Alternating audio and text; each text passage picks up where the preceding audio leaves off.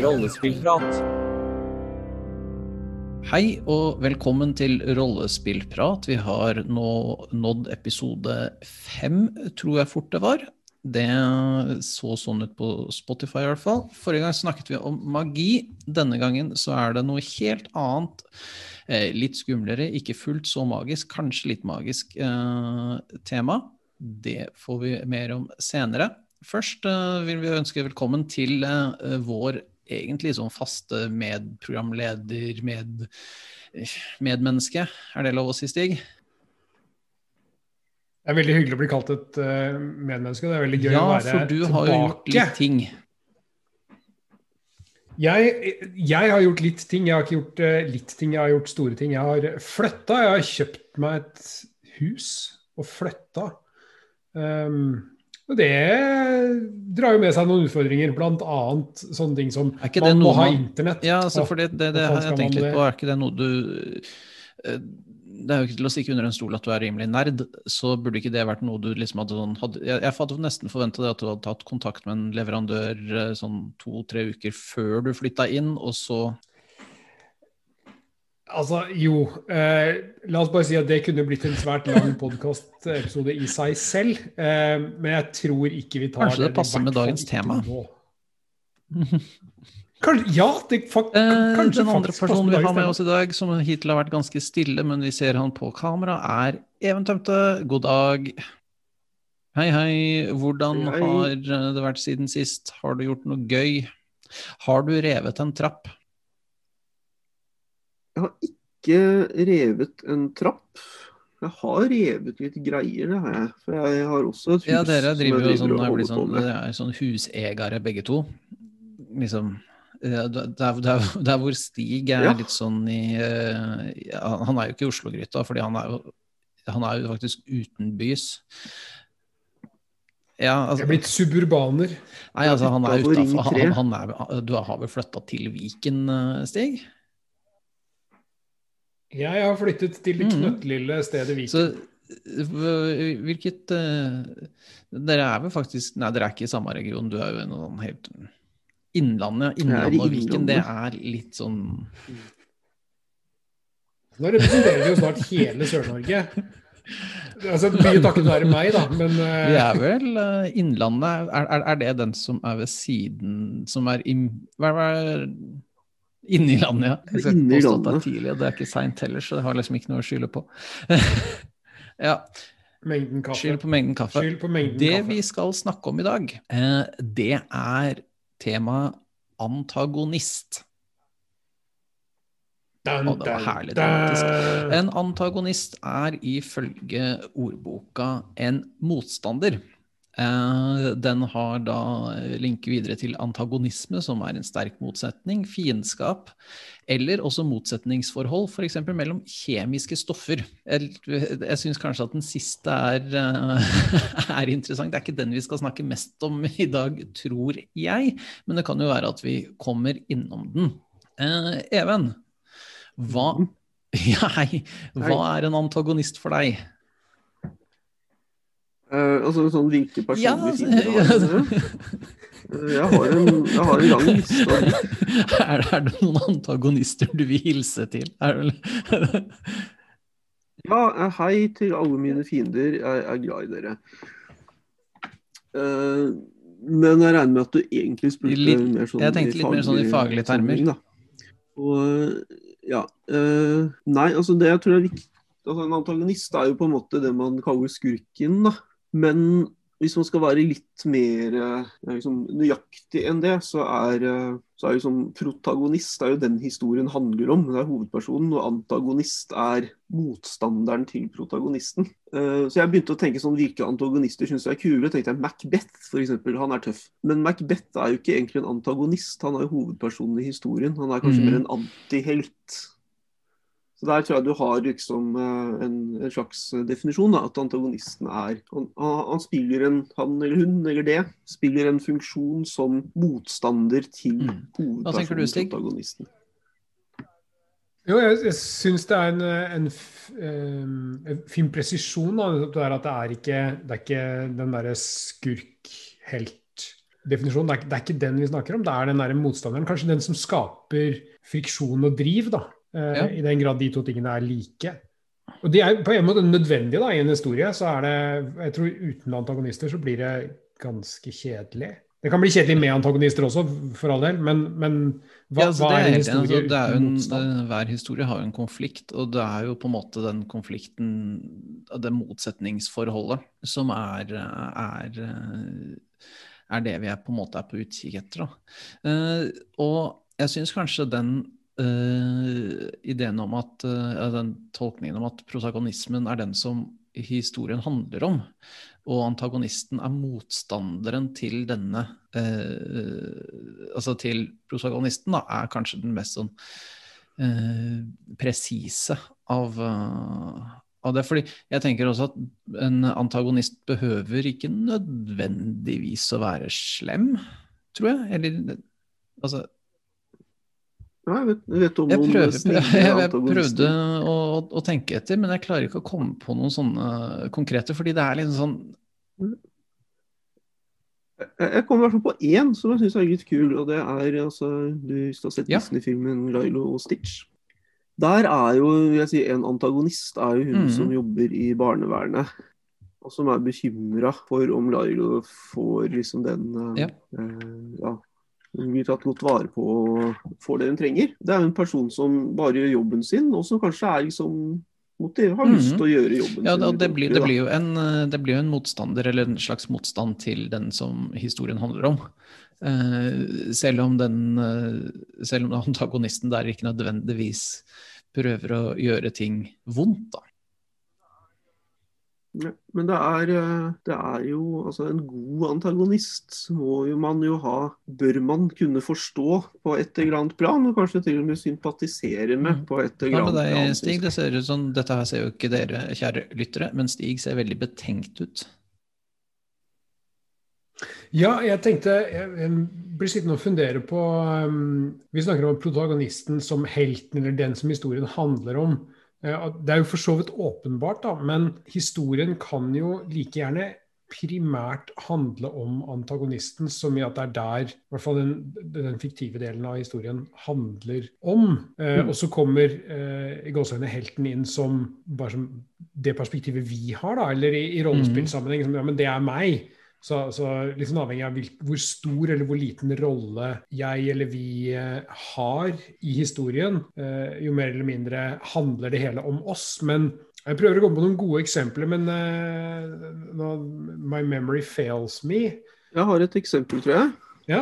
Har du lest Moby Dick? Det har jeg vel for en ganske så lenge siden, ja. Moby Dick er jo en roman som er full av fargerike og spennende historier, nei, karakterer. Eh, og liksom hovedantagonisten er jo kanskje da selve hvalen av Moby Dick. Mm. Den som forteller, som er liksom fortellerpersonen, og kanskje på et vis protagonisten, han er jo jævlig kjedelig. Han, eh, han er liksom ganske anonym. og i lange deler av historien så blir han bare helt borte. For hans rolle er egentlig i fortellingen er å være bare en observatør. Ja, for, for, for, den koblingen der kan man jo dra til en del dataspill også. Uh, altså at den uh, hovedpersonen ikke nødvendigvis er den kuleste personen i spillet. Ja, og det er, en, det er et bevisst litterært virkemiddel å gjøre protagonisten litt anonym litt kjedelig. Fordi liksom, ideen da, er at da skal det være liksom, mer plass for leseren eller seeren eller hva det er, til å forestille seg at mhm. dette er på en eller annen måte meg. Det er en, en, i hvert fall én måte å tenke på det på, som som særlig dataspill gjør mye, men også Ja, for at jeg, jeg, jeg tenkte på et spill som jeg uh, spilte gjennom og syntes var helt OK, men som har en, uh, har en antagonist som er kjempekul. Og det er Far Cry 3. Det er litt sånn generisk uh, Activision-spill, uh, men de har gjort det sånn at uh, skurken Vas er en fryktelig fascinerende rolle. han er ikke hovedskurken engang. Han er bare en Altså, han, han er en sånn han er jo en henchman til hovedskurken, men det er han som på en måte fester seg, som du liksom har lyst til at han Han vil jeg vite mer om. Mm. Og det, sånn er det ganske ofte, uh, synes jeg. At altså, skurken er mye kulere, mer interessant enn helten. Uh, eller Nå var det ikke helten. ja, nei, men altså, det, er, det er en grei måte å på en måte skille det, da. Ja. Ja, jeg tenkte på Disney-filmer. Altså, hvem er det som har de kule sangene? Hvem er det som, liksom, som har personlighet til å fylle de kule sangene, ikke minst? Det er, det er gjennomgående antagonisten. Da. Men er det, er det, større i film? Eller, hvordan, hva, med, hva med skjønnlitteratur eller grafiske noveller? Jeg tror det er noe som skjer ganske jevnt over. Men jeg tror det sted det ikke funker å ha en kjedelig protagonist, det er jo i rollespill. fordi da er jo mm. protagonisten den man spiller selv. Men Handler ikke det om å ha en kul rolle, snarere enn at protagonisten er kul? Altså jeg opplever min rolle som kul? Du må, Spilleren må trives i den, da. Og som, som spilleder syns jeg jo det er mye lettere å jobbe med enn en rolleperson som har en del personlighet, en del ting Vi skal, gå, vi skal snakke litt mer om uh, antagonister i rollespill litt seinere. Men jeg, har, jeg, tenkte på dette her med, med Disney-filmer, og hvordan eh, de bruker antagonister aktivt for å skape interessante historier og skape interessante personligheter. Og et ekstremt uh, altså Et veldig ålreit eksempel på det er jo, uh, er jo 'Løvenes konge'. Hvordan, hvordan denne Skar er blitt ansett som å være en forferdelig fyr. Så han egentlig bare er en misforstått løve som hadde lyst til å gjøre ting riktig her i livet, og så har det bare tråkket litt feil. Sånn kan det gå. Men Skar er jo et eksempel for meg på hvordan, hvordan ofte er lett å ha mer sympati med antagonisten enn protagonisten, som i dette tilfellet da styrer en eller annen form for sånn mhm. absolutt monarki. Eh, der eh, det ikke er snakk om noe som helst om demokrati eller medbestemmelse, og hvor det er sånn helt åpenbart noen grupper da, som blir holdt utenfor samfunnet. ja, sånn altså, ja, altså de, Disney-filmene tar jo opp uh, ting på ganske mange forskjellige lag, sånn sett. Uh, men hvis vi holder oss litt til uh, disse Disney-skurkene, da. andre som jeg syns er veldig fascinerende, er f.eks. Cruella de Vil fra 101 dalmatiner-tegnefilmen. er fantastisk hvordan de klarer å lage hunden som sånn der skruppelløs og eh, tvers igjennom forferdelig, men så spennende å følge med på. Mm. Hva, hva, hva, kommer det av at, at vi syns det er morsomt med de, og at skaperne av disse karakterene syns det er åpenbart at de syns det er morsommere å jobbe med det enn kanskje med heltene? da, for det når de, når de, får den der ekstra touchen, og blir, vi syns de blir så kule, så er det jo fordi noen har lagt mye arbeid i det. Er det, er det fordi det er gøy å gi utløp for den derre ha, nå skal jeg søren meg dra til og være jævlig? De kan kanskje slå seg litt mer løs. Ja. Uh, for jeg tenker, i, i, mange av de historiene man forteller nå om dagen, så er det jo en sånn moral hvor de slemme får sin straff til slutt og alt mulig sånt. Så da kan man på en måte ha det gøy med eh, dårlige egenskaper og forskjellige ting uten å liksom bli beskyldt for å støtte opp under dem. Mm, ja, det, er litt, det, er nettopp det der jeg tenker på, at ja, det er jo gøy å slippe seg løs. Det er gøy å være kjip. I hvert fall så lenge det ja. går bra til slutt. For da slipper man konsekvensen av å være kjip. Ja, men jeg syns jo, jeg, jeg synes jo veldig mange protagonister ikke bare er kjedelige, men også ganske usympatiske. da. Uh, det er bare at det ja, er jeg, jeg har et faktisk. Har du et eksempel på det? Det er eh, en ja. protagonist, og nå skal jeg til filmens verden, som er utrolig kjip. Som er en fyr du egentlig ikke har lyst til å identifisere deg med. Kanskje eh, i unntak av stil noen ganger. James Bond. Ja, men altså, er det er, er, ja, ja, ja. James Bond er jo en personifisering av uh, liksom patriarkat og, og, hvit imperialisme og alt det der. Oh, ja. Nei, altså, nei, altså Wolverine, Wolverine. Er, er, misforstått, bare. Uh, han uh, gjør det beste ut av det. Men James Bond han er en fyr overklasse eh, som eh, har rett til å drepe, og behandler eh, damer som det er en, var en vare. Selv om det kanskje har endra seg litt sånn utover i de siste filmene. Men James Bond-filmene har også det at de har veldig mange fascinerende skurker. Altså både, både som antagonister, som i Henchmen, og som i hoved, hovedskurken. da. Se på for eksempel uh, altså, um, Golden er det, Nei, Tomorrow Never Dies. Hvor uh, hovedskurken og hovedantagonisten er en fyr som er en sånn mediebaron som er liksom vi, vi, vi, vil, vil, starte nye kriger fordi det sørger for at han får solgt mer aviser. Det er, sånn, det er sånne, sånne, små, enkle grep. da. Så har du andre sånne henchmen som han um, uh, Hva er det han heter for noe? Han med jernhatten jernbrem på hatt. jobb ja. Oddjob. Så har du f.eks. Mm -hmm. uh, Batman, da. Som er, altså, han er en, uh, en milliardær har arvet alle pengene sine. Han uh, skal liksom bekjempe kriminalitet. Men gjennom fall mesteparten av Batmans karriere da, så bruker han ikke sine nettverk og ressurser til å jakte på liksom, ja, de virkelige skurkene. Han går liksom rundt og banker opp lommetyver og sånn. Han er en rik mann som tar på seg sånne, SM-klær, og så går han og, og, og slår på fattige kriminelle. Uh, og Det er det han driver med. Og det er liksom noe med det at Protagonistene veldig ofte liksom står for den etablerte samfunnsorden. Uh, og når jeg ofte ikke liker protagonister, så har vel det en del å gjøre med at jeg ofte har et eller annet uh, kritisk å si om den etablerte samfunnsorden. Uh, en av Batmans veldig spennende fiender er jo f.eks. Poison Ivy, som snakker på vegne av plantene, og som kommer med en sånn samfunnskritikk som ligner veldig på den miljøbevegelsen kommer med. den blir litt, over, liksom, litt sånn karikert, da, fordi hun er en superskurk, liksom.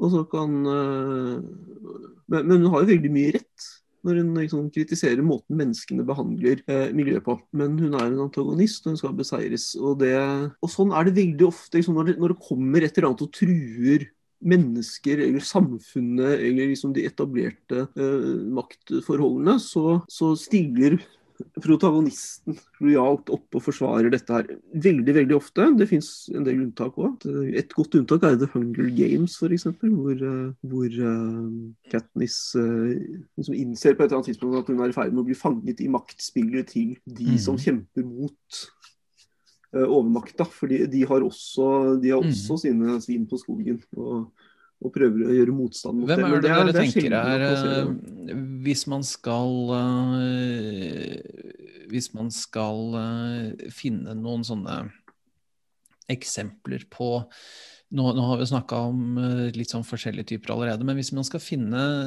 finne et godt eksempel på en god antagonist fra en eller annen fra fiksjonens verden, da, ja, men altså, det er litt det. Altså, for, for, for, meg så er en god antagonist en som er interessant, en som gjør at en, en eh, no, Noe som gjør at det er interessant å lese, se filmen, spille spillet. Altså, e, e, e, en som har en antagonist en god antagonist er en som har flere sider enn bare en sånn der, en, en litt sånn kjip 'jeg er slem'-side, uh, da.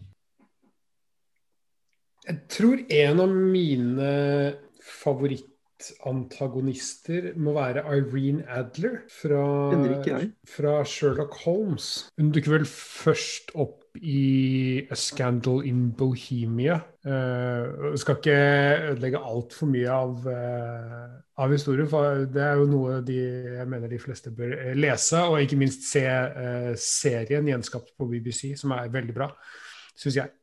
Eh, men hun har en eh, Hun er en sånn recurring character som dukker opp innimellom. Men har, hun er ikke den åpenbare skurkeaktig, men ikke bare skurk. Eh, og det er en, for meg en sånn bra greie med en antagonist. Det er en som, som er litt både og. Altså det er, en, det er noe, et motsats til uh, vår mann, vår kvinne, vår helt, uh, et eller annet. Men ikke nødvendigvis noe negativt. Det går litt på det som vi allerede har snakket om. Da. Kanskje særlig det, kritikken din, Even, med dette med samfunns, ja, det etablerte og samfunnskritikken. Men hun, har, eh, hun vrir litt. Det er en historie som vrir litt på noen eh, tanker og noen eh, oppfatninger, da. Ja, nei, dette, dette, har ikke jeg vært borti i det hele tatt. Men det burde jeg kanskje. Ja, det, jeg kan anbefale Sherlock Holmes, altså. Sir Arthur Conan mm. Doyle. Er, nå, nå finnes jo Sherlock Holmes i så mange medier, men er det liksom bøkene du snakker om? Ja, jeg snakker, jeg snakker egentlig både om bøkene, eller primært kanskje om bøkene. Men litt også BBC-serien, eh, som har gjenskapt det i moderne, eh, i moderne ham på en bra måte. Så, men jeg vil, tror jeg vil anbefale bøkene, eller lydbok, da, hvis du vil ha Stephen Frys herlige stemme på øret. Jeg tror en av mine favorittantagonister er Steer Pike fra Gormenghast-bøkene til Mervyn Peak, som jeg mener er noen sterkt undervurderte fantasy-bøker. Nei, eh, de er Altså, dette er jo ganske sånn klassiske greier fra eh, liksom Ja, tidlig i liksom fantasy-sjangerens historie, da. Gormungast er dette kjempedigre slottet hvor du har liksom en adelsfamilie som hersker. Alt er veldig sånn støvete og fullt av spindelvev, og det er sånne gamle uforståelige ritualer som man må følge, fordi sånn har det alltid vært. Eh, og i disse lange gangene og støvete hallene og sånn, så, så, foregår det liksom en del sånn maktspill og intriger. da. Og der dukker Steerpike Pike opp. Han er, uh, Til å begynne med er han kjøkkengutt. Man har liksom ofte kan ha litt sånn sympati med han til å begynne med, for han blir behandla dårlig av kokken, som er en usympatisk fyr. Og han har et veldig sånn sterkt ønske om å komme seg opp og fram i verden. Også på mm. et eller annet tidspunkt altså, Jeg husker liksom, da jeg leste det, så, så, så jeg heia jo på han sånn i starten. Og så ble det liksom litt sånn Vent litt. Vent litt. Han er jo psykopat, jo. uh, og han uh, og han er uh, Han har liksom det er bare et, altså, Han har ikke noen sånn spesielle overnaturlige evner. Han er bare, sånn, bare djevelsk smart og veldig flink til å manipulere. Og, og bruker dette her til å karre mm. seg oppover i det her slottshierarkiet. Uh, og så er han jo en uh, Han er jo psykopat, da. Han har ingen empati. Han, er, uh, og han, er en, han blir en veldig antagonist. Jeg har Jeg satte meg ned og så prøvde å tenke over hvem, så, hvem jeg syns er sånn i fiksjonsverdenen, hvem jeg liker best som antagonister. Og det er to-tre som uh, dukker Altså det er ganske mange som dukker opp, men det er to-tre som på en måte er Som jeg liker veldig godt. da. Uh, den ene har jeg allerede snakka om. Vas fra Far Cry uh, 3. en fyr som er helt, helt ute av alt sammen. Uh, som um, er litt sånn uh, Bytter må, sånn tonefall i sånn fire-fem ganger i løpet av en monolog, bare sånn for å få fram altså, hvor, mye opp og ned han er hele tiden. Han, liksom, hele tiden han er åpenbart gæren, men han liksom stiller alles andre hele tiden spørsmål hva, kan ikke dere definere galskap, fordi jeg er i hvert fall ikke gal, og jeg kan ikke svare på dette. Det er alle andre som er gærne. Fantastisk fyr, voldelig som faen er uh, ikke til Man burde ikke gjøre som han. En annen som jeg liker veldig godt, er en da, kanskje en sånn Kanskje en, en sånn som ikke da, så veldig mange veit om. Uh, Shooter McGavin. Ja, han er hovedantagonisten i filmen Happy Gilmore med Adam Sandler. Hvor Adam Sandler spiller rollen Happy Gilmore og som vil bli golfer. Uh, hvor uh, godest Shooter McGavin er en liksom uh, pro-golferen som er arrogant, han har ikke moral, mangler, mangler ganske mye på etikkskalaen, alt mulig rart sånt. Og sånn, han liksom tikker alle boksene på å få den derre gærningstempelet sitt, da.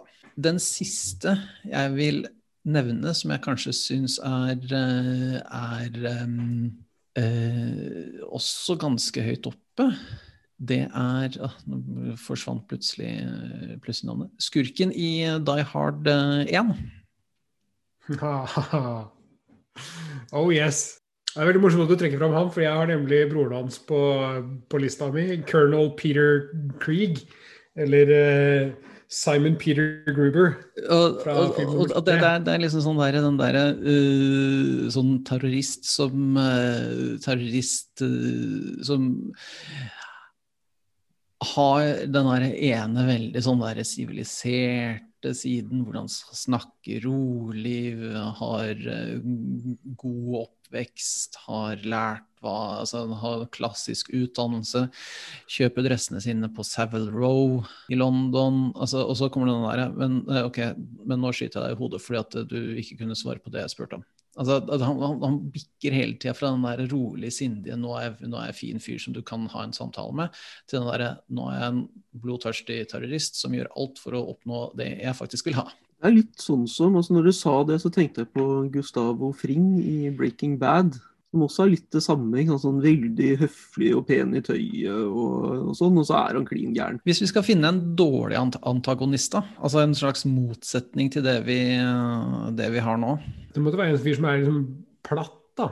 Selv om på, en, på mange måter så er jo både begge Gruber-brødrene litt plate, men det er jo kanskje litt mer med filmformat å gjøre. For å kaste inn en brannfakkel, uh, Sauron. Ja. Sauron er dritkjedelig. Jeg er helt enig. Og nå, nå før liksom uh, vi får masse rasende protester fra folk som har lest mye sånn apokryf skrifter av Tolkien, så er han sikkert veldig spennende i Tolkiens univers. Men når, hvis vi nå snakker om uh, 'Ringenes herre' som litterært verk, uh, man må kunne lese boka uh, og vurdere den ut fra hva som står i boka. Ikke ut fra liksom, en hel en mastergrad i mytologi som man kan ha om det. Altså, ut fra sånn han blir presentert i verket 'Ringenes herre', er Sauron dritkjedelig. Ja, altså, han, han, er et øye som ser etter ting, og så vil han, gjøre, vil han ha kontroll over verden? Er det det?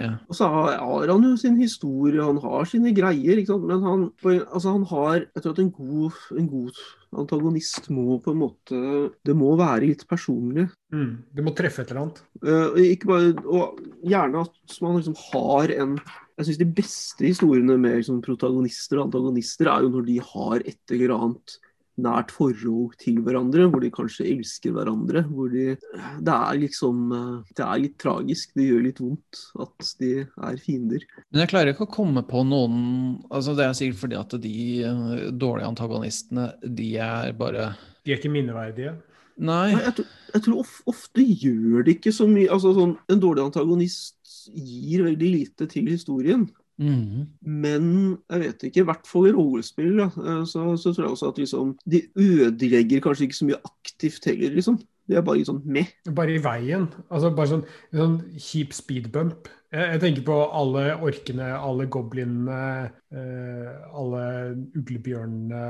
Bare er liksom harvet ned fordi de var i veien. Og der blir jeg sittende og lure på, er de, er de antagonister, eller er de kanskje statister, egentlig?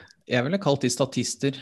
Altså jeg ville kalt det uh, Med mindre du, de har en funksjon utenom det å være en uh, Utenom å bare være en sånn stein i skoen, så ville jeg kalt dem uh, statister. Men, uh, ja, men endbossen er jo liksom antagonist, tenker jeg. Er, og det, og det gjør at vi kan flytte oss enkelt over til antagonist i rollespill, siden vi allerede er godt på vei dit med orker og alt mulig rart. Ja, jeg har ikke fått snakket om Lucifer ennå, men nei da, det er greit. Du kan, jo, ta, ta, ta, kjør på. Gå litt rundt om Lucifer. Jeg vil gjerne høre om Lucifer. Ja, jeg, til, jeg, hadde ikke lyst til å nevne han fordi vi tross alt liksom lever i et samfunn som er veldig påvirket av kristendommen.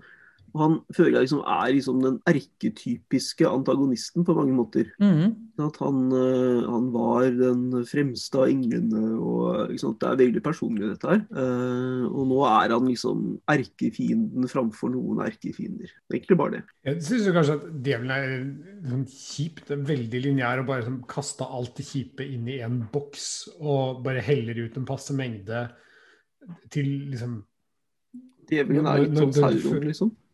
Ja, rett og slett litt Sauron. Og kanskje Skulle ikke forundre meg om det er noen inspirasjon der. Men kanskje hvis vi først går inn i religionen, uten at det liksom skal gå veldig langt ned der, er Judas en bedre antagonist? Ja. Altså, jeg syns liksom hele historien om liksom engelen som liksom blir kastet ut av himmelen, liksom, er veldig tøff. Men gjennom mesteparten av eh, liksom eh, The Expanded Universe eh, rundt dette her, så, så er han jo bare sånn eh, kosmisk ondskap. Og det er kjedelig. Ja, vi trenger en svartboks der vi kaster dritten. Ja. Men ikke sant, altså, Den kosmiske ondskapen trenger en hånd. uh, eventuelt flere.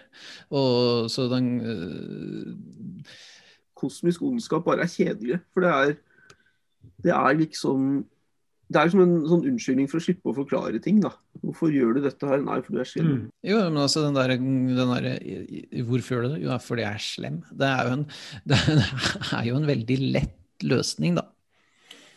Det er veldig enkelt å gå dit du, hvis du ikke enten orker eller har uh, lyst til å skape noe mer. Apropos orker, siden du sa det, så er jo der pågår det noen spennende diskusjoner i, uh, rundt uh, Wizards of the Coast. Og liksom, dette med onde raser. Er, er, det liksom greit å si at nei, denne rasen den er ond, det ligger i genene deres. Så de må Eh, det, det, der, der, driver de nå etter mange år og tenker litt andre tanker enn de har tenkt om det før. Nå er vi jo på vei ned i en sånn der, eh, rimelig filosofisk diskusjon av eh, Is there such a thing as evil? Mm. Um, eller er det bare naturen som går sin gang? Jo, men altså, jeg synes den altså, den er litt viktig, i hvert fall når det kommer til akkurat det temaet der. Fordi du Igjen da, så er dette her at uh, orker skal ha et uh, Skal ifølge sånn klassisk sånn fantasy-trope være, være, brutale, være, være, komme fra et hardt samfunn.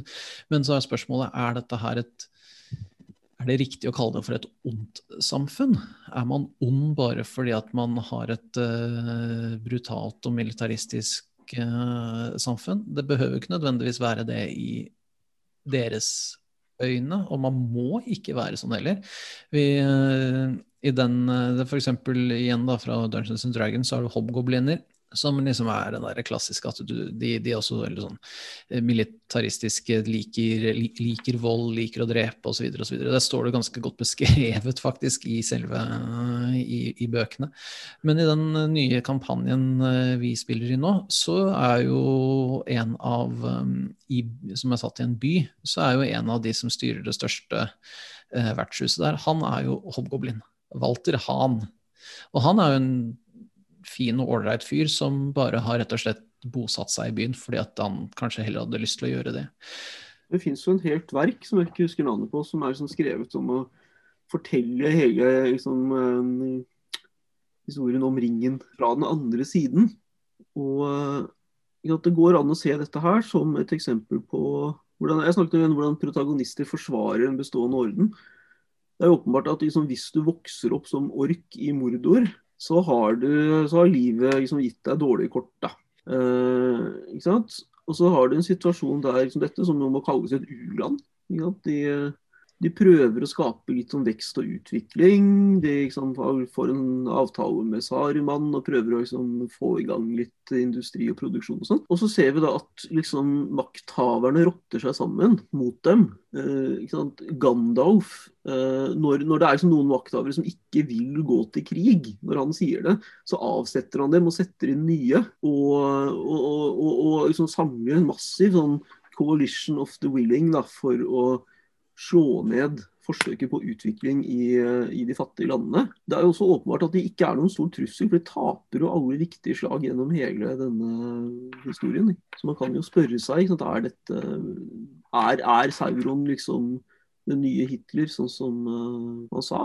Eller var han bare en lokal, liten tyrann? Kanskje han er sånn krigsherre fra et uh, afrikansk land i, uh, på, på, slutten av 1800-tallet? Ja, altså den, jeg husker den andre 'Ringenes herre'-filmen kom. Det var liksom akkurat sånn i opptakten til uh, krigen i Irak. Og jeg, jeg, lot være å se den filmen ganske lenge, rett og slett, for jeg syns liksom, trailerne om den Jeg syns det var noen sånn gufne paralleller der, altså. Ja, det var en veldig artig eh, analyse eller tolkning av, eh, av tolken.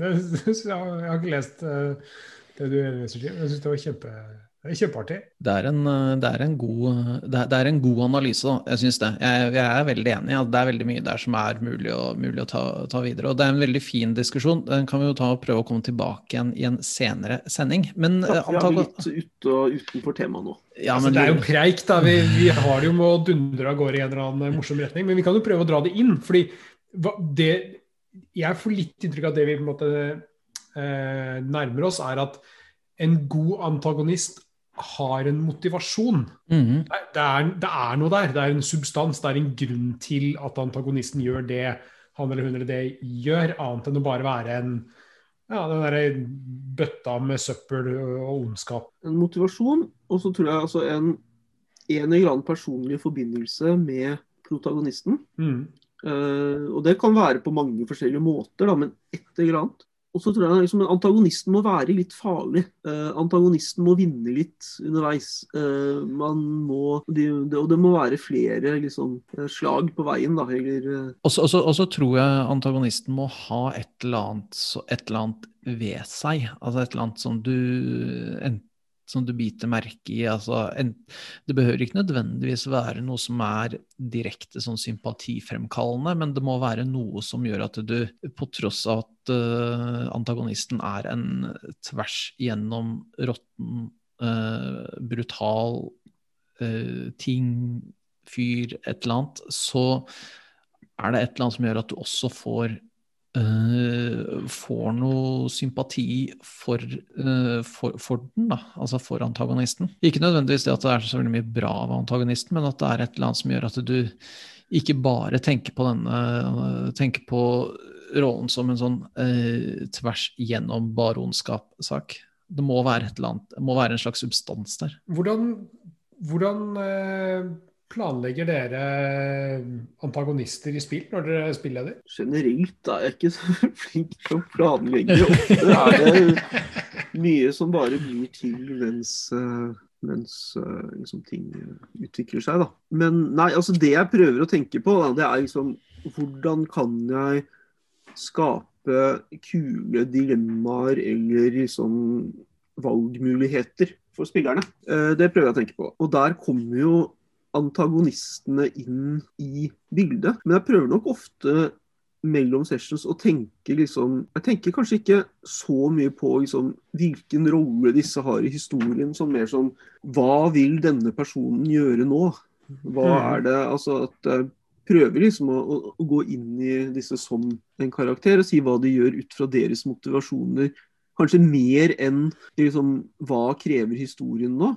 Fordi jeg vet ikke. Jeg syns iblant kan det bli litt sånn litt anstrengt hvis man liksom Ja, folk blir klemt inn i en rolle som liksom det egentlig ikke, ikke er naturlig for dem, bare fordi plottet krever det. Det mener jeg som f.eks. var alt som var galt med de siste sesongene av Game of Thrones. Da gjorde de det hele tiden. Det, eh, jeg prøver å Nå driver jeg og har en eh, har, I den kampanjen jeg holder på med nå, så har jeg to linjer med hver sine antagonister. Eh, og de Per rolle? Eh, nei, nei, nei. eh, men jeg har, altså jeg, har, jeg, har, jeg har laget to I hodet mitt så har jeg laget to sånne historielinjer. hvor hver historielinje har sine egne skurker, på en måte. Av sine egne Mm. antagonister. Og det De har sine mål og sine ting, og det rollene gjør, ikke, kan, på, altså kan påvirke begge deler. Og der har jeg tenkt mer at det skal være At det skal være sånn um, Hva skal jeg si for noe? At uh, begge har, har mål, men det er forskjellige måter de vil komme til dette målet på. Og rollene er nødvendigvis ikke en direkte motsetning til målet. Eh, men det kan jo godt tenkes at de blir dratt inn i dette her uansett. Det er det jo allerede. Men da, da, det jeg har gjort med den ene, er at jeg har utvikla et sånt sett med sånn jeg, jeg, jeg, har prøvd å tenke litt sånn Hva vil antagonisten oppnå? Og hvordan er det denne antagonisten eh, Hvordan gjør den det? Hvordan er personligheten?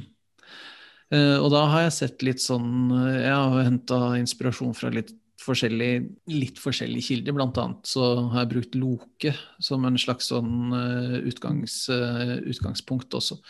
Den andre antagonisten, der er det Altså den andre historielinja har på en måte har to stykker. Hvor du har, har litt hvor, hvor du har en ting, og du har en som jakter på denne tingen. Og så kommer rollene midt inni. Mm. Liksom kasta inn i det. Ja, kasta inn i det. Eh, Det, det gjør rollen for så vidt i den andre linja også, men det er litt mer Der, der tror jeg de allerede har begynt å skjønne litt. Mens du snakker nå, så, så blir det liksom tenker jeg at det som kanskje egentlig er enda tydeligere i rollespill enn i uh, andre medier, er jo at antagonist er ikke egentlig en egenskap ved en person. Det er en rolle Mhm. som man kan gå inn og ut av. Mm. Sant? Du kan være en fiende, og så kan du bli en venn. Eller du kan være en venn og bli en fiende. Du kan, hvis man definerer antagonist som liksom den som, eh, som står i motsetning til protagonisten, så, så er jo det liksom en tilstand som man ikke nødvendigvis er i hele tiden. Og jeg syns det kan være veldig spennende når det endrer seg. Vi har f.eks. en, en uh, Rune Quest-kampanje gående. Den spiller jo Stig og jeg i. Jeg vet ikke hvordan du opplever eh, karakteren Branduan der. Jeg jeg liker han veldig godt, for han er liksom Han begynte jo som en veldig sånn klassisk antagonist. Som, Mm. som ville han ville, han ville gjøre det dere gjorde, bare før dere rakk å gjøre det selv. Mm. Det var liksom rivaler. Og så, på et eller annet tidspunkt, så ble dere stilt overfor en fiende som var begges fiende og sterkere. Sånn at dere måtte samarbeide. Ja, eller jeg vet ikke om jeg opplevde at vi måtte samarbeide. men Det var et veldig godt alternativ. Ja, dere kunne samarbeide. Det, det, Eh, Der tror jeg litt av ehm, kjernen i det du beskriver nå ligger. At ja, men det var et valg, vi kunne valgt det ene eller valgt det andre. Eh, og sånn sett re, reposisjonerte rollen eh, Branduan seg da, fra å være en antagonist til, i hvert fall for øyeblikket, å være det jeg tenker på som en eh, La meg kalle det en svak alliert. da. Så han på en måte bytta litt rolle, men jeg, jeg, stoler jo ikke på at han, at han nå er min gode venn eh, og støttespiller. Så, så når du beskriver det med, med, eh, som i rollespill, at ja, men det, det er en rolle som man går inn og ut av, jeg er veldig glad for at du opplevde det som et meningsfullt valg. Det, Ja. det var jo meningen. Ja, nettopp. Eh, og, og, og dermed så blir disse rollene blir, eh, Det blir bare Det gir bare mening å prate om dem eh, i historisk kontekst. Altså Man kan ikke planlegge med, for det, det kan endre seg. Og når ting er i endring, så, så er det ikke sikkert at det jeg tenkte skulle være en antagonist, ble det. For historien endret seg. Jeg syns også det er morsomt at deres da personlige forhold knytter an til liksom, politikk i en videre forstand.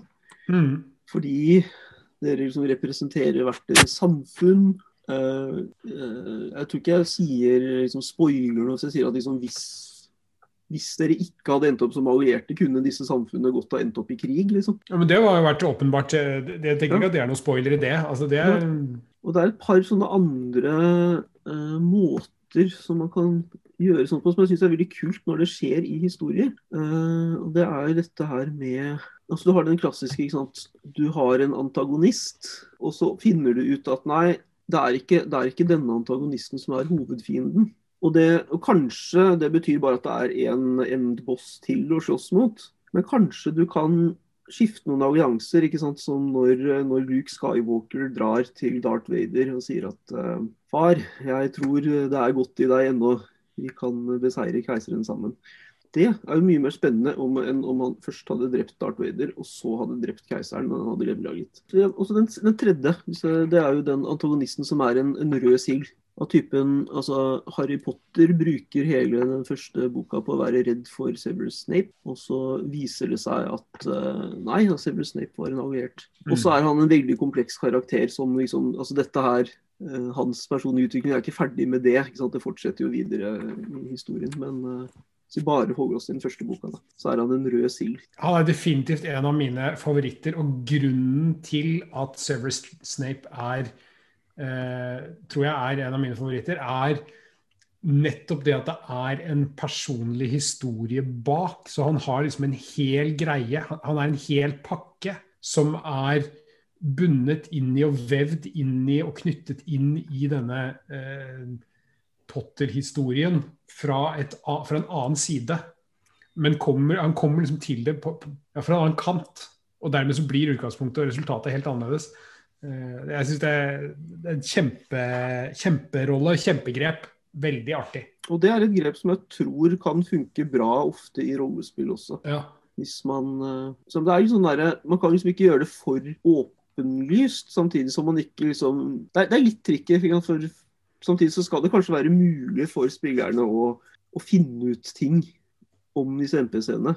At man liksom altså Hvis du har noen som ikke er det de ser ut som, eller har en skjult agenda, eller liksom har et eller annet som man kan avsløre om dem, så må man eh, så må det liksom føles måte, organisk, da. Jeg prøvde å tenke etter om vi har noen, sånne, om vi har noen sånne eksempler fra mine egne spill.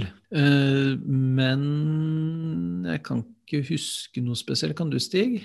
Nei, jeg kommer ikke på noen veldig som er helt der, da, i farta. Nå har vi jo spilt vanvittig mye, da, så det, det kan godt være at det eksisterer. Ja, fordi jeg, jeg tenkte på i forrige, i forrige kampanje i Tomb of Annihilation, så hadde vi jo var, var, det jo snakk om tre pirater. Som, der hvor den ene piraten viste seg å være uh, den tapte broren til en av rollene. Uh, og den tapte broren til en av rollene ble da også en av rollene, etter at den ene, da den andre rollen ble karnøflet av en firearmet ape.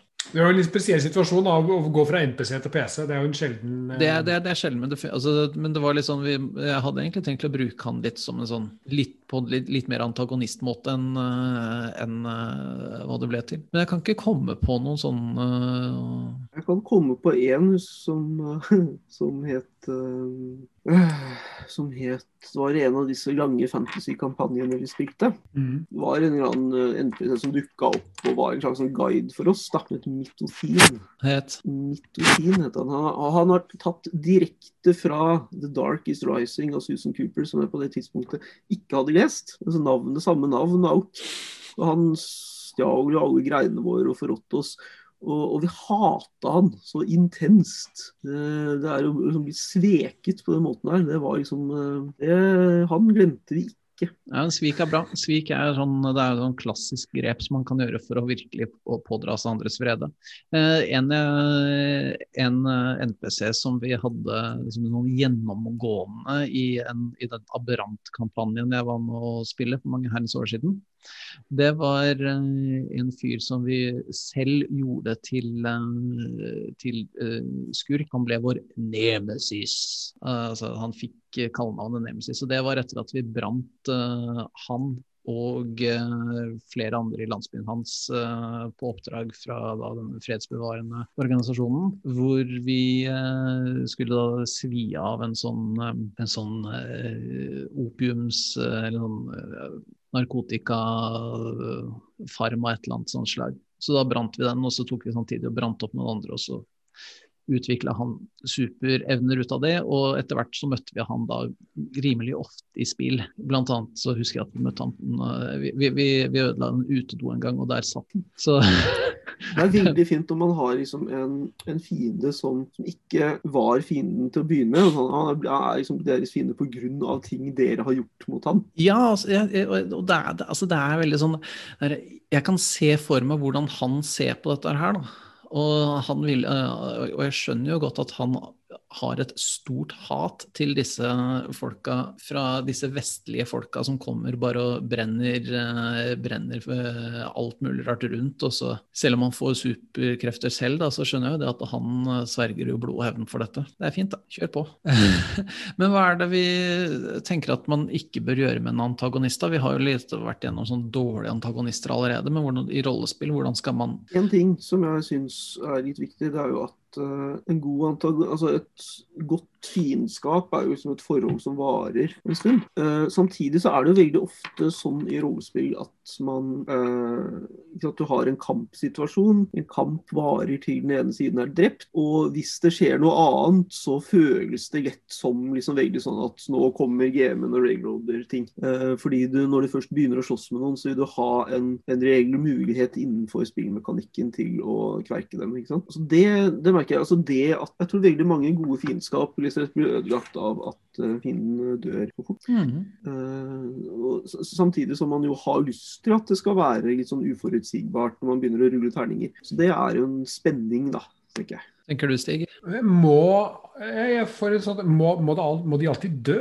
Altså, Vi ned en ting Vi snakket om statister tidligere som orker og goblin som bare som faller for fote. Men i en del andre altså film og bøker og sånn, så dukker de jo fort opp. Ja, 'Jeg trodde du var død', men det var du ikke. Det er bare sånn hvordan man altså, jeg, jeg tror ikke man må dø, men det er liksom bare hvordan man får det til å ikke føles som en veldig sånn klisjé. da, sånn, Ha-ha, han var ikke død likevel. Eller liksom øh, Eller hvis spilleren sier sånn ja, jeg, jeg dreper han, jeg fikk 20 på terningen. Uh, ja, men uh, da snubler han tilbake og faller ned i elven, han er sikkert død. Altså, det, det blir lett liksom veldig sånn Men Er det hack and slashen som kommer i veien? Er det, er det det at det blir for mye kamp? Som, som, da gjør at som ødelegger for de gode antagonistene? Kanskje? Ja, men, altså, jeg også tenker det at uh, Er det så farlig om man dreper antagonisten i første omgang? Uh, kan ikke Altså, det er tross alt uh, I de aller fleste tilfeller så er dette her fantasy eller annet, en eller annen fantasy-måte.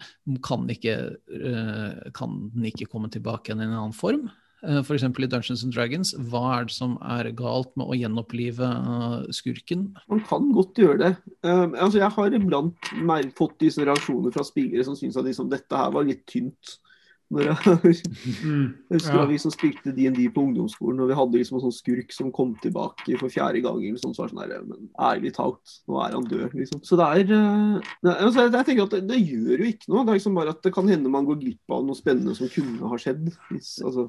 Nei, altså, jeg, altså, jeg, sier jo ikke det at man skal gjøre det hver eneste gang, men at man sånn eh, f.eks. Eh, man bekjemper eh, man, man bekjemper eh, trollmannen. Ha-ha og så eh, går det, noen, eh, går noen, spillinger, og så plutselig så virker det som at kanskje man ikke har bekjempet denne trollmannen allikevel. Enten i form av at man altså, Kanskje trollmannen da Kanskje eh, selve kampen var, en, var et ledd i et rituale som trollmannen hadde eh, satt i gang for å kunne oppnå et ø, enda høyere nivå av trollmannskraft. Ja, for det jeg tenker er liksom at Det er kult å beseire en fiende, som kommer han tilbake. Men det er kanskje kulest hvis det likevel får noen konsekvenser. da. Mm. Eh, la oss si at uh, han kommer tilbake, men nå er han uh, liksom en vanndød, uh, ja.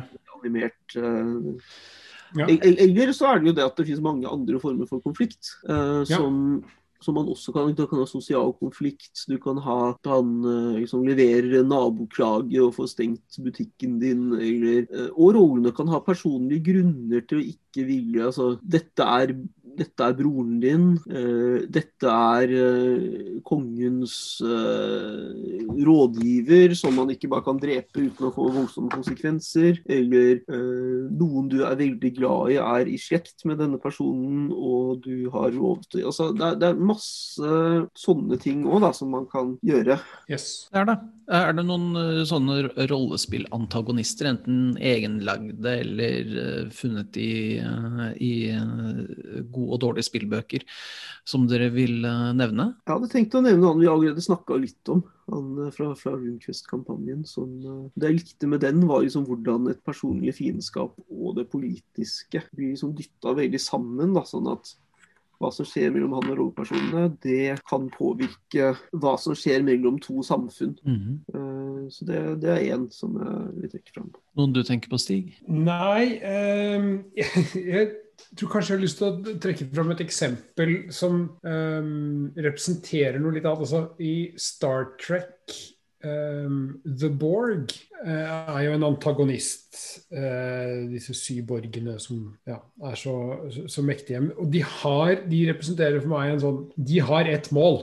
Og det er å liksom, verdensherredømme eller galaktisk liksom, Resistance is futile. Det, ja, det kan virke litt platt og litt enkelt og litt sånn kjedelig, men det det representerer, er en sånn Ja, men de har en helt annen tilnærming. De er bare annerledes. Og hvordan kan vi som, som, som mennesker, eller som helter, eller hva man skal kalle det, tilnærme seg dette som er fullstendig annerledes, og som bare som gjør noe annet? Vi ser på en måte den samme effekten i The Expanse Uh, the proto-molecule, ja, men hva er det? De gjør noe helt annerledes. Det bare forholder seg ikke til, til naturlovene. Uh, men det er Er det noe uh, sentient, noe Er det liv? Altså, det, det, er annerledes. Det er ødelegger for oss i vårt perspektiv, men ødelegger det egentlig for seg selv. Altså, her er det en eller annen sånn noe annerledes, eh, som er vanskelig å forstå og vanskelig å få grep med innenfor et, en sett predefinert kontekst. Det syns jeg er spennende. Jeg tenkte, var litt og tenkte på disse her med disse uh, Dungeons and Dragons-skurkene. Uh, For der er det mye ymse å ta av.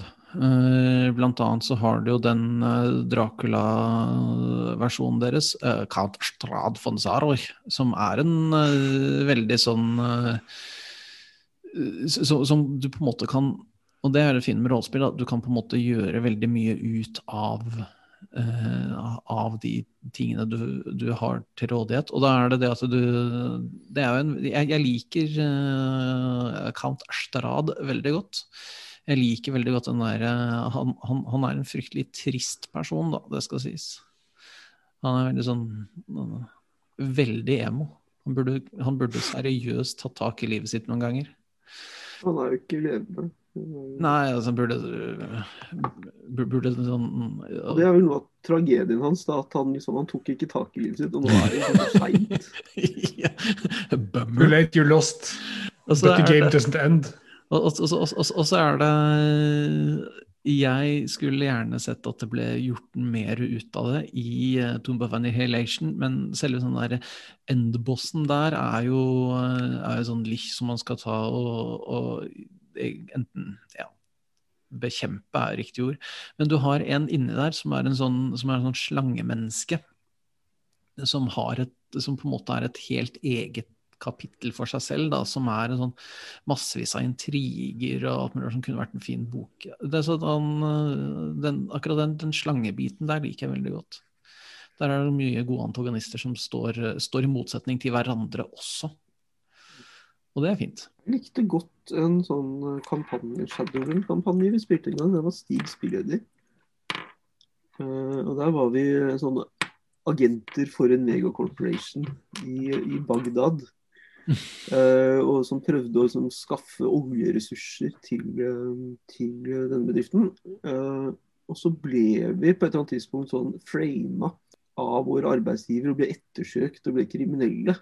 Og da var på en måte hele den organisasjonen vi hadde vært en del av, den ble liksom en stor antagonist. Mm. Uh, samtidig som vi hadde liksom noen kontakter på innsiden som prøvde å gjøre det de kunne for oss uten å risikere for mye og, og sånt. da. Det er gøy. Uh, det det syns jeg var fint. og det, det er en sånn, sånn heel turn. Det synes jeg liksom er sånn Det er jo det det heter i idretten når man er når en av ja, når, man, når man blir kjent, liksom. Mm. Det, det, fungerer veldig godt, syns jeg. For da får man liksom da får man først et personlig forhold og lærer seg å like noen. Og så blir man fiender. Det var en fin kampanje, den der, altså. Det, ja. Jeg tenker at vi skal gå over til eh, neste, neste bit på, på, på programmet, som det heter. Ukas TV-serie til rollespill. Oh, hva har du for noe nå? Uh, jeg har uh, tenkt litt, uh, og så har jeg, siden jeg akkurat har fått tak i bok eller versjon 2.2 av Twilight 2000-rollespillet. Så tenkte jeg at uh, da var det jo på tide å kanskje gå litt tilbake i krigens, uh, krigens. Og så har jeg ikke lyst til å gå så langt tilbake som til annen verdenskrig, og så har jeg ikke lyst til å sette noe sånn kjempemoderne. Så jeg tenkte at Koreakrigen. Så jeg har lyst til å lage rollespill ut av Mash. Oh, oh yes! Der eh, hvor eh, altså TV-serien som omhandler komedie, dramakomedie på sitt vis, omhandler eh, et feltsykehus, amerikansk feltsykehus i Korea under Koreakrigen.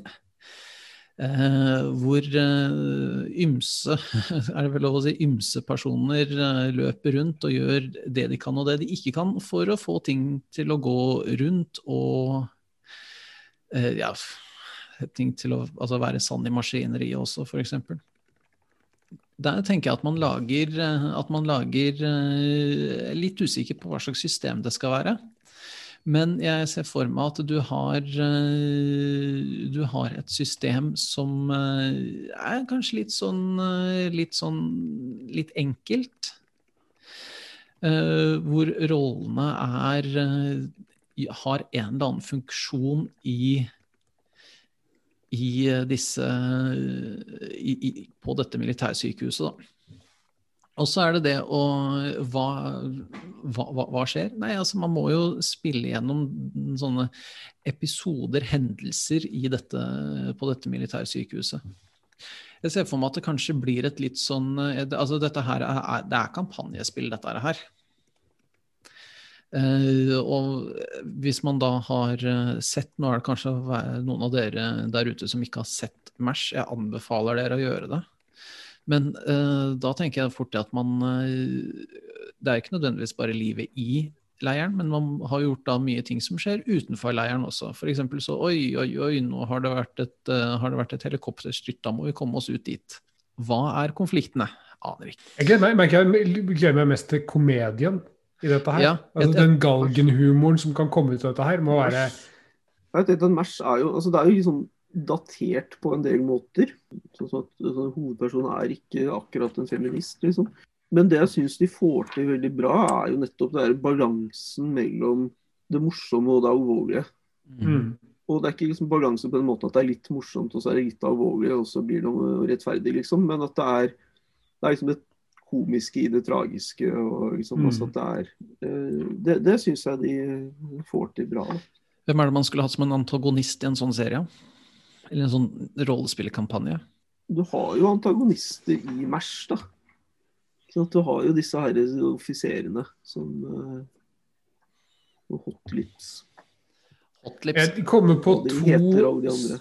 Jeg kommer på to eh, De er jo ikke gjen... eh, De er enkeltepisoder, men der er det The Ring Banger. Eh, han er vel en oberst som bare Han skal bare ta den høyden. Eller om han er Nei, det var en annen. I hvert fall en, en offiser som bare er liksom ikke, har ikke blikk for soldatene. Han skal bare liksom, nå sitt militære mål. Um, hvor de ender opp med å, å gjøre operasjon på han, som er helt unødvendig. Som jo virkelig bryter med, med, liksom alt av både etiske og moralske og regler i det hele tatt.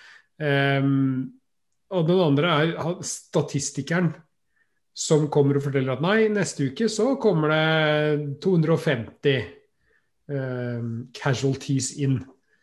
Og Han blir også en sånn fiendebilde på ja, men hvordan kan du si at det kommer 250? Nei, det kommer 250 for det. Sånn er det. Det er en morsom antagonist. Han er jo bare budbringeren. Mm. Det er liksom interessant å merke seg ved uh, MASH, er at det foregår i Korea. Men det er ikke så Det er, det er liksom ikke fryktelig mange koreanere til stede i serien. Og det er jo ikke liksom fienden altså Dette er jo et eksempel på at, på at fienden ikke er antagonisten. Mm. Det er jo ikke å slåss mot fienden det er som serien handler om. Overhodet ikke. Jeg, jeg, altså, altså jeg tror at i den serien så er det I, i det spillet så ville det vært uh, mye, mye mørk humor.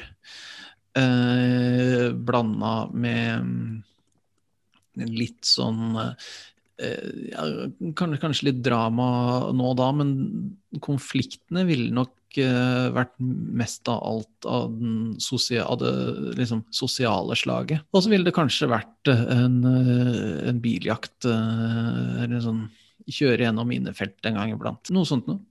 Jeg vet ikke om det finnes en Mash-rollespill, da. Vet Ikke overraska meg om det fins. Det er ikke er faktisk ikke det. Det er ikke et uh, rollespill, så der har vi et uh, Der har jeg et uh, Da er det bare er det du en gyllen mulighet til å bli sikre styrtrik seg på et rettighetene, da. Eh, det var, det var sendingens eh, TV-serie til rollespill. Hvis det er noen som har forslag til TV-serier eh, som man kan eh, ta opp, så er det bare å egentlig gi oss beskjed, så skal vi se om det er noe vi klarer å finne noe godt ut av. Eh, Neste punkt, og det er egentlig før vi gir oss i dag, er lytterspørsmål. Det er så fint. Ja, det er, det er så, altså Én ting er at jeg syns det er fint at vi har lyttere. En annen ting er Det må jo være hele poenget med hele greia her. Altså, bortsett fra at vi sitter og slarver om rollespill, som jo er utrolig trivelig på en tirsdag formiddag, ettermiddag. Men at noen gidder å høre på. Ja, det bare fortsett med det. Det, det syns vi er stor, storveis. Strålende, flott, gøy. Men eh, Nikolai Krogsrud Strøm, han lurer på følgende. Og dette her er eh, tre spørsmål, egentlig. Eh, fordi altså først er hvem er deres eh, fiksjonelle favorittskurk, etterfulgt av hvorfor. Så der er det jo da to spørsmål. Og som han har snakket og vi egentlig har snakket om litt også, hvorfor er skurken ofte mer minneverdig enn helten? Vi kan ta første, første eh, fiksjonelle favorittskurk uansett. Der vi har jo vært litt innom allerede. Men eh, hvis vi skal ta en sånn, uansett om det er en bra eller dårlig eh, antagonist Jeg tror kanskje at min, eh, min favorittfiksjonelle favorittskurk er Nei, jeg, nå- jeg, jeg tror kanskje at jeg må tilbake til Hans Gruber, bare fordi at han er Nei, faktisk ikke. Jeg vil En jeg syns er overraskende kul, og som uh, igjen da i Die Hard-universet, uh, som er et fantastisk univers, uh, det er han Det er majoren i, i Die Hard 2, som går fra å være en som skal komme og rydde opp, til å være en som er i ledtog med skurken. Det er ganske fascinerende. Det er Major Grant. Han har ikke noe mer navn enn det. Major Grant. Han er en uh, fantastisk, uh, fantastisk fyr. Veldig typisk sånn 80-talls, uh, 80-90-talls eh, actionfigur. eh, hvor alt han sier er tøft. Alt han sier er, har en eller annen sånn der eh, eh, Du er dum-vibb. Og øh, han går heller ikke av veien av å ta livet av folk han syns er øh, slitsomme. Det er veldig vanskelig for å bestemme for én. Eh, jeg nevnte jo snakket ikke om Steerpike fra Gormengast-bøkene. De syns jeg anbefaler alle å lese. Eh, han er synes jeg er veldig god fordi han er liksom så Han er så dritskummel. Uten at han har, han har liksom ingen superkrefter eller eh, liksom sånne ting å gjemme seg bak. Han er liksom bare en fyr, men han er veldig veldig skummel fordi han er så utspekulert. Og så er Jeg jo det Ja, nei, unnskyld. Du, Nei, kom igjen. Ja. altså, jeg er veldig glad i Macbeth, men han er jo ikke en antagonist. Det var du inne på. Uh, og hvis vi skal liksom snakke om uh, Hva er spørsmålet i rollespill? Nei, det var han uh, skrev i, øh, i fiksjon. Så altså For det, det er én jeg syns skal ha litt sånn nevnes litt her, og det er uh, Raoul Julia som spiller M. Bison fra, i Street Fighter-filmen fra 1994. Ja! Som, det jeg syns er morsomt med det, er liksom at han motbeviser på en måte alt det vi har snakket om nå. Eh, dette er jo en, film med et ræva manus basert på et dataspill uten plott, som på en måte gjør alle sånne feil og sånne som vi har sittet og snakket om nå at det er feil. Mens han bare gjør det fullstendig irrelevant gjennom å spille så jævla bra. Ja, Han ja, er en fantastisk skurk med, med, liksom, med, med, med dette her. Og han har laget masse liksom, minneverdige memer og ting ut av dette. her, Ikke sant? Sånn som når, han, når den ene av protagonistene, da, Chun-Li, konfronterer han og forteller den rørende historien om hvordan han drepte hennes far. og Uh, liksom eh, gjør alt hun kan for å liksom, terge han opp. Og han bare sånn svarer liksom bare sånn Å, nei, det det er så bra. Det er så bra. Det er den, den, dagen, den dagen Bison kom til landsbyen din, var kanskje den viktigste dagen i ditt liv. For meg var det tirsdag. Å, det er herlig. Det er fantastisk bra. Ja. Jeg tror, jeg tror jeg må For jeg har jo egentlig lyst til å ha eh, Severus Snape som en favoritt, men han er ikke skurk. Eh, Men han er jo favoritt, men han er ikke skurk. Så Man kan kanskje si at han er liksom i rollen som antagonist sånn deler av tida, i hvert fall. ja, og, ja, det er han jo. Eh, Men nå var vel spørsmålet skurk, så da får jeg liksom ta det på ordet. da, Så kunne man jo sagt at ja, men Voldemort er jo en bra skurk. Men jeg tror faktisk jeg vil tilbake til Sir Arthur Conan Doyle og nominere Moriarty som min Mm. um, uh, favorittskurk. Og grunnen til det er at han portretteres som like god, like flink, like smart eh, som helten Sherlock Holmes, men bare med et annet mål. Ja, så det blir en jevnbyrdighet eh, og noe mystisk da selvfølgelig rundt eh, denne figuren Moriarty som vi aldri får liksom helt alle svarene på. Så jeg tror Moriarty må være min favoritt. Eh, jeg, jeg, jeg- vil nominere en til. Han er ikke skurk, eh, men han er en motstander. Eh, og det er Jeg kom på han da, jeg, da vi snakket om MASH. Fordi i MASH så spiller Alan Olda hovedrollen. Og i West Wing så kommer eh, han eh, inn som, eh, som presidentkandidat og republikaner Arnold Winnick. og gjør en minneverdig rolle som, som da Jimmy Smiths Matt Santos presidentkandidat i den, i, den, i den sesong syv. Er en helt fantastisk rolle han gjør der. Mm. Helt enig. Helt enig. Nå er Even muta, tror jeg. Han bare gliser. Nei, Nei nå, da, nå, nei nå, da, hørte- bare... nå, hørte- nå du det. Eh, Men, jeg, bare, jeg bare satt og var stille. Ja. ja. Men eh, det er han, eh, han vil jeg trekke fram, og han er en eh, Og igjen, da, der kommer vi over også over den der eh, Man går fra å være motstander til å være medspiller. Eh, Selv om dette her er å spoile hele sesong syv, så vinner jo da selvfølgelig eh, demokraten Matt Santos. eh, Blir president og tilbyr Arnold Winnick, republikaner og da motkandidat i presidentvalget, jobb som utenriksminister. Så blir man, blir, blir- er man venner igjen allikevel. Nei, det er veldig, er veldig fantastisk. Veldig fin, uh, veldig fin uh, sesong, det der, altså. Uh, jeg tenker at vi har snakket oss gjennom, ja. Ja. ja. Det var gøy. Eh, takk til eh, deg, Stig, at du tar deg fri i, innimellom alle pappeskene dine. Dette er jo lidderlig artig, så selvfølgelig er jeg her. Nå Så- kommer jeg forhåpentligvis eh, mer tilbake, nå som jeg, jeg har kommet inn i et hus. Ja. Eh, takk til deg, Even, for at du deltar fra de eh, dype skoger i Innlandet, som vi har etablert. Mhm. Og de høye fjell. Og de høye fjell. Eh, takk til deg som har eh, hørt på. Eh, igjen da, Hvis det er noe du har lyst til å eh, enten eh, utfordre oss på eh, TV-serie til rollespill, gjerne, send gjerne Det er ingen som hører dette her uansett, vet du. Men ta gjerne da og send oss navnet på serien, så skal vi lage et rollespill ut av det. Uh, har du lyttespørsmål, send det til oss, så skal vi prøve å svare på det. Takk for uh, oss, og vi sier som andre antagonister, lik og del.